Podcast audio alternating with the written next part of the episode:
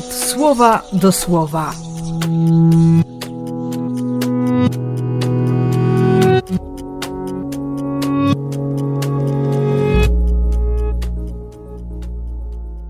Osiemnasty kwietnia, wtorek.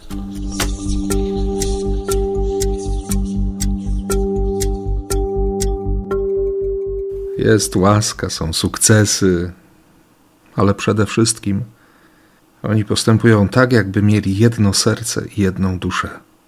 Oni wiedzą, że można ufać Bogu. I tak robi Józef.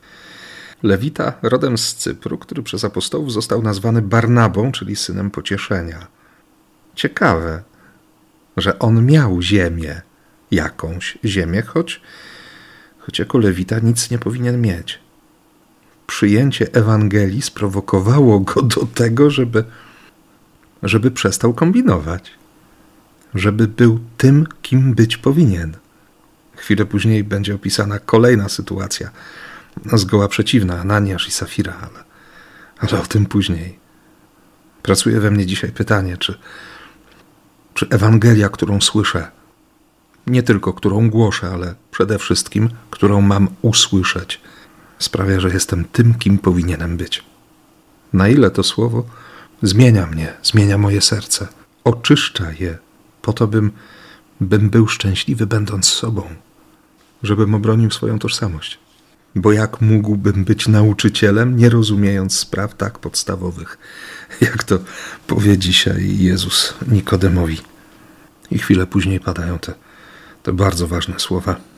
Jak Mojżesz na pustyni wywyższył węża miedzianego, tak samo potrzeba, abym ja, syn człowieczy, został wywyższony aby każdy, kto we mnie złoży swoją ufność, otrzymał udział w odwiecznym i nieskończonym życiu. Tak, krzyż będzie tronem, będzie objawieniem chwały, będzie miejscem miłości.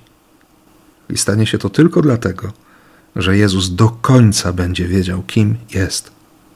I on do końca będzie ufał Ojcu.